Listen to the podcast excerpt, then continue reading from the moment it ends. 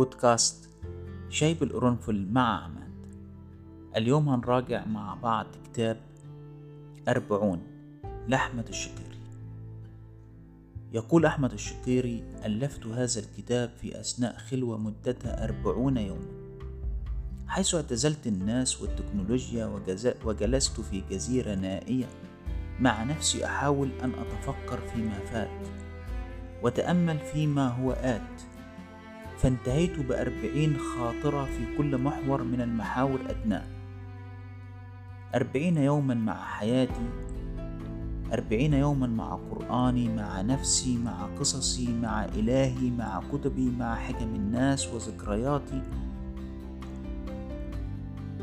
الكتاب بسيط في أسلوبه ولكن عميق في محتواه فهو كتاب من الكتب المحفزة. والغنية جدا بالأفكار الإيجابية. فهو يتطرق للعديد من الأسئلة التي تدور بخاطر كل شخص فينا. يستفيض بمعاني الإحسان الشقيري بهذا الكتاب بكل صراحة ودون تكلف كشف عن فلسفته في الحياة. خلال أربعين سنة عاشها في التحسين من نفسه ومن حياته. الكتاب كما قلنا مقسم لعدة أقسام. القسم الأول مع حياتي. تحدث فيها الشقيري عن مواقف حدثت له في مراحل مختلفة من عمره وأرفقها بالعبر التي استلهمها من تلك المواقف. مع قرآني استشهد بأربعين آية. كان لها الأثر الكبير في مصير حياته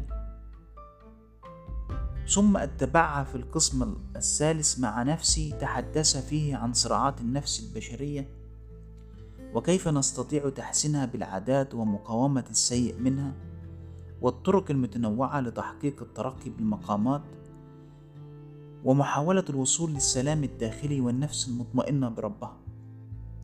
القسم الرابع مع تحسيناتي تحدث الشقيري في هذا القسم عن بعض الأمور والعادات والوسائل التي ساعدته في التحسن والتحسين من يوم بشكل كاف.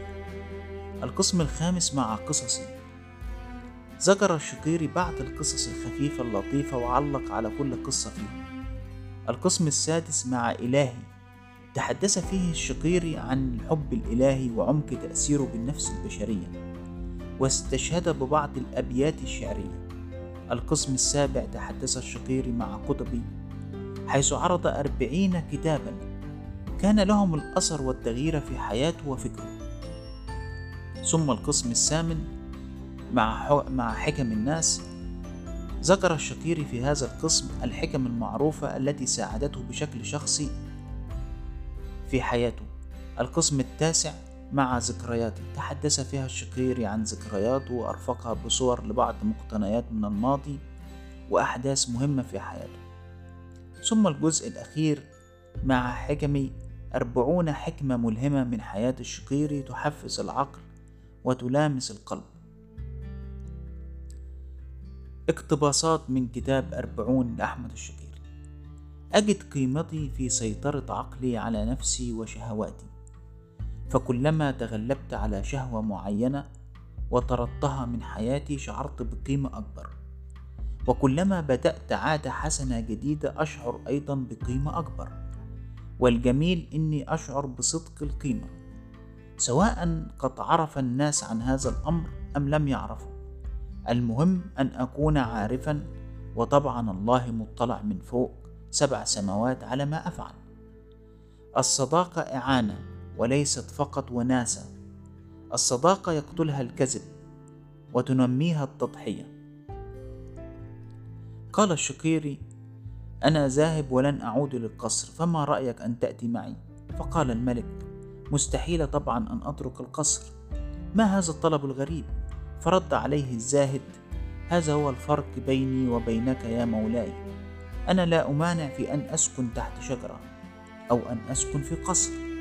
ففي كل حال من الأحوال نعمة من الله علي وآن أنا لا أمانع في ترك القصر. أنا كنت في داخل القصر ولم يكن القصر في داخلي ولذلك سأستطيع الذهاب بلا عودة.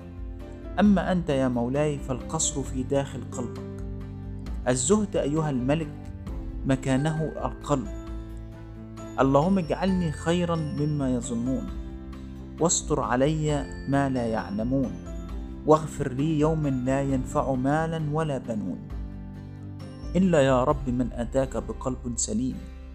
فارزقني اللهم قلبا سليما أتيك به يوم القيامة.